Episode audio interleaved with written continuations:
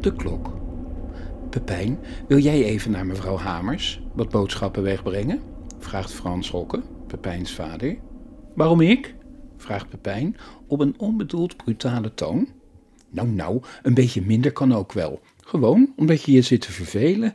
Ik zorg dat je even wat te doen hebt. En mevrouw Hamers belde net, ze durft de deur niet uit met deze kou, zegt meneer Hokke. Ik durf de deur ook niet uit, probeert Pepijn nog. Eigenlijk heeft hij wel zin om er even uit te gaan. Hij verveelt zich inderdaad. De kerstvakantie is nog maar net begonnen en hij weet nu al niet meer wat hij moet doen. Wat moet ik wegbrengen, pap? vraagt hij gehaast, op een normale toon. Ik heb het daar neergezet, die tas, zegt vader Hokke. Daar zit niet veel in. Ik hoop niet dat mevrouw Hamers verhongert, mompelt Pepijn.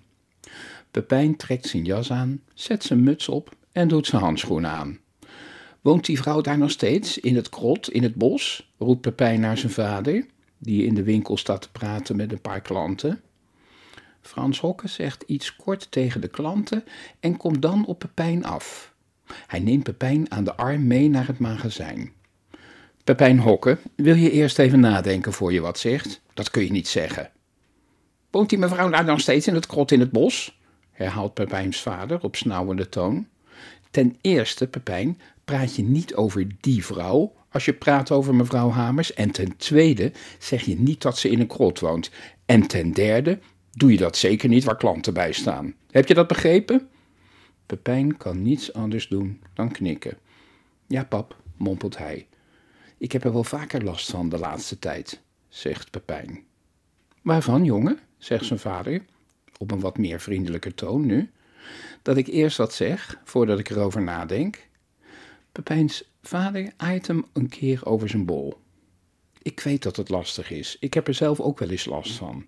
Nou, kom op, gaan. Het is al donker. Met de tas boodschappen buiten gekomen, pakt Pepijn zijn fiets uit de schuur. Daar merkt hij dat het eigenlijk bitter koud is. Een laagje poedersneeuw stuift over de weg. Snel doet Pepijn zijn sjaal nog even om zijn hoofd. Alleen zijn ogen zijn onbedekt. Zijn licht doet het niet, maar Pepijn weet de weg. En de straat wordt een beetje verlicht door de stuivende poedersneeuw. Hij maakt een spoor met zijn banden en voor die weet is hij in het bos. Niet ver in het bos staat het huisje van mevrouw Hamers. Hij kan er alleen komen over een pad van grijze, grillige natuurstenen. Bij mevrouw Hamers is het donker. Pepijn zet zijn fiets tegen een muur. Hij loopt om het huis heen met de tas boodschappen in zijn gehandschoende hand, maar hij ziet niets. Hij komt bij de voordeur en belt aan. Meteen gaat de deur op een kier open. Ik zag jou aankomen. Ben jij een jongen van Hokken? vraagt een zachte stem. Het geluid breekt heel stil door de koude avond heen. Pepijn knikt. Ik ben Pepijn. Kom binnen. Ik ben blij dat je er bent, Pepijn. Je mag de boodschappen wel in de keuken neerzetten. Pepijn loopt door het halletje rechtdoor naar de keuken. Het is hier lekker warm. Als vanzelf doet Pepijn zijn sjaal en zijn muts af en trekt zijn handschoenen uit. Pepijn zet de tas met de boodschappen op het zeil tegen een scheef hangende deur van een keukenkastje aan. Wat was u eigenlijk aan het doen? vloept er zomaar een vraag uit Pepijns mond. Het hele huis is zo donker, ik dacht dat je er niet was, zegt hij erachteraan. Mevrouw Hamers kijkt Pepijn van opzij aan. Ach, begint mevrouw Hamers. Eigenlijk was ik niets aan het doen, zegt ze dan. Dat kan ik niet. Ga ik me vervelen, dan ga ik mijn zusje klieren, dan krijgen we ruzie, ratelt Pepijn. Praat je altijd zo snel?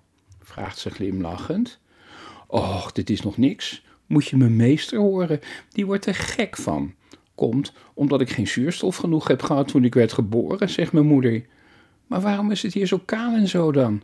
vraagt Pepijn. Mevrouw Hamers zucht. Ik heb al een paar jaar geen zin in kerst. Ben je een kop chocolademelk? Pepijn knikt. Lust ik wel pap van? Mijn zusje niet, die houdt er niet van. Ik wel, met slagroom. Dat heb ik niet. Dom ja, zegt Pepijn. Mevrouw Hamers maakt melk warm voor de chocolademelk. Mooie klok in de hal, zegt Pepijn, terwijl hij om zich heen kijkt. Ik staar al drie jaar naar die klok, jongen. Ik heb hem al drie jaar geleden stil laten staan. Stom ja, een klok moet toch lopen, zegt Pepijn haastig. Mevrouw Hamers glimlacht. Mijn klok niet. Moet je weten, mijn man is al een tijd geleden overleden. Drie jaar is het alweer. Hij lag opeens dood in het bos, hè? vraagt Pepijn. Mevrouw Hamers knikt. En op de dag dat hij kwam te overlijden, bleef de klok stilstaan. Echt? vraagt Pepijn met open mond. Dat is toevallig. Mijn man wond hem altijd op. Dat deed hij elke zaterdag met de sleutel die in de klok ligt. Eerst het linkergat, zestien keer de sleutel rond. Dan het rechtergat, veertien keer de sleutel rond. Gek hè? Altijd een verschil van twee. Altijd weer. Jarenlang. Het is zo'n mooie klok met zo'n mooi geluid. Oud ook. Heel oud is de klok. Vooral als de klok sloeg, dan werd het hele huis wakker. Dan kraakte alles in huis even. Dan keken mijn man en ik elkaar even aan. Elk uur, elk half uur, als we binnen waren. Dan zag ik altijd hoe sterk hij was en hoe lief. Nu niet meer. Nu staat hij al drie jaar stil. Net als jij, zegt Pepijn te snel.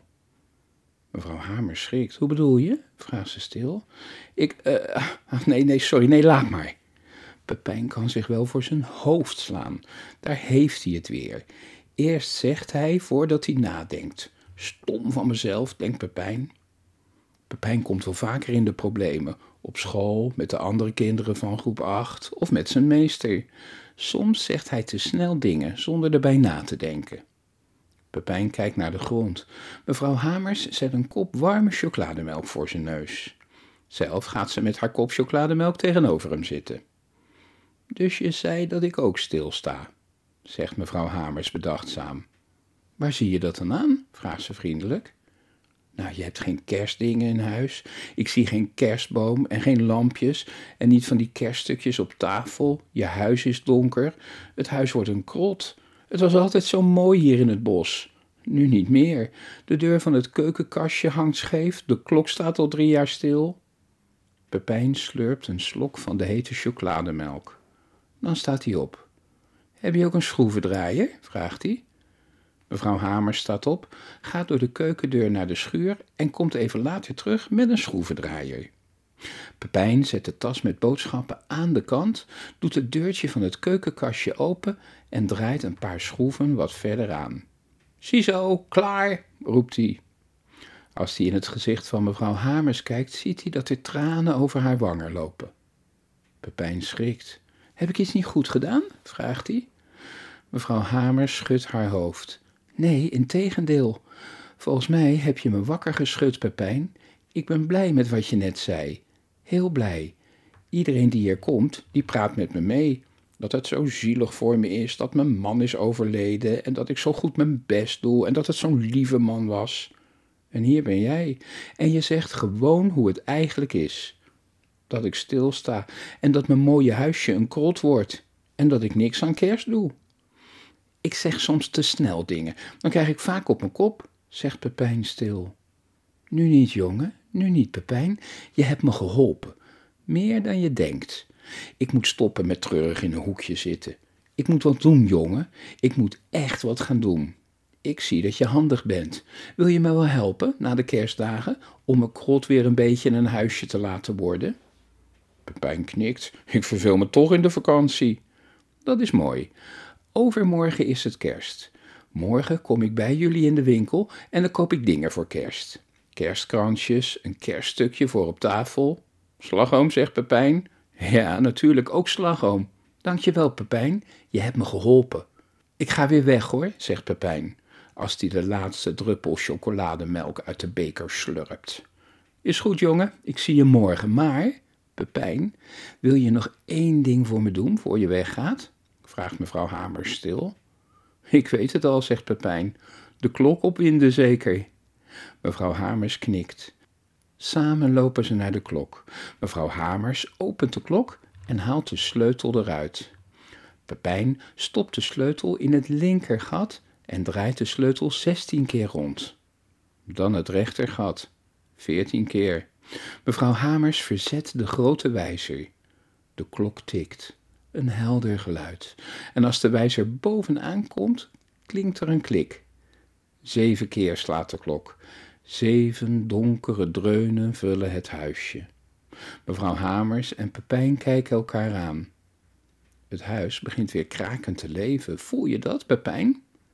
Pepijn knikt. Hij weet dat hij nu niets moet zeggen.